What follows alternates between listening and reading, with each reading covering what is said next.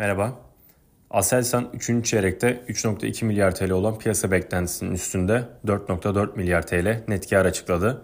Net kardaki sapmanın sebeplerine beklentilerden daha düşük gerçekleşen net finansal gider ve 358 milyon TL'lik ertelenmiş vergi geliri olarak değerlendiriyoruz. Ciro tahminlere paralel geldi. Yurt içi satışlar yıllık bazda güçlü büyüme gösterdi. Yurt içi satışların toplam ciro içindeki payı %91 olarak gerçekleşti. Favok ise beklentilerin hafif altında 2.8 milyar TL oldu.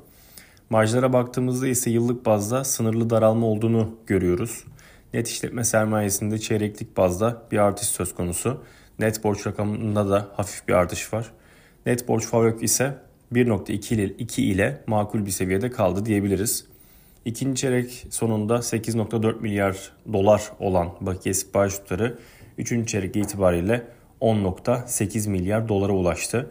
Yakın geçmişteki en yüksek bakiye sipariş tutarına ulaşmasını olumlu olarak değerlendiriyoruz. Şirket yönetimi 2023 yılı sonu beklentilerinde herhangi bir değişikliğe gitmedi.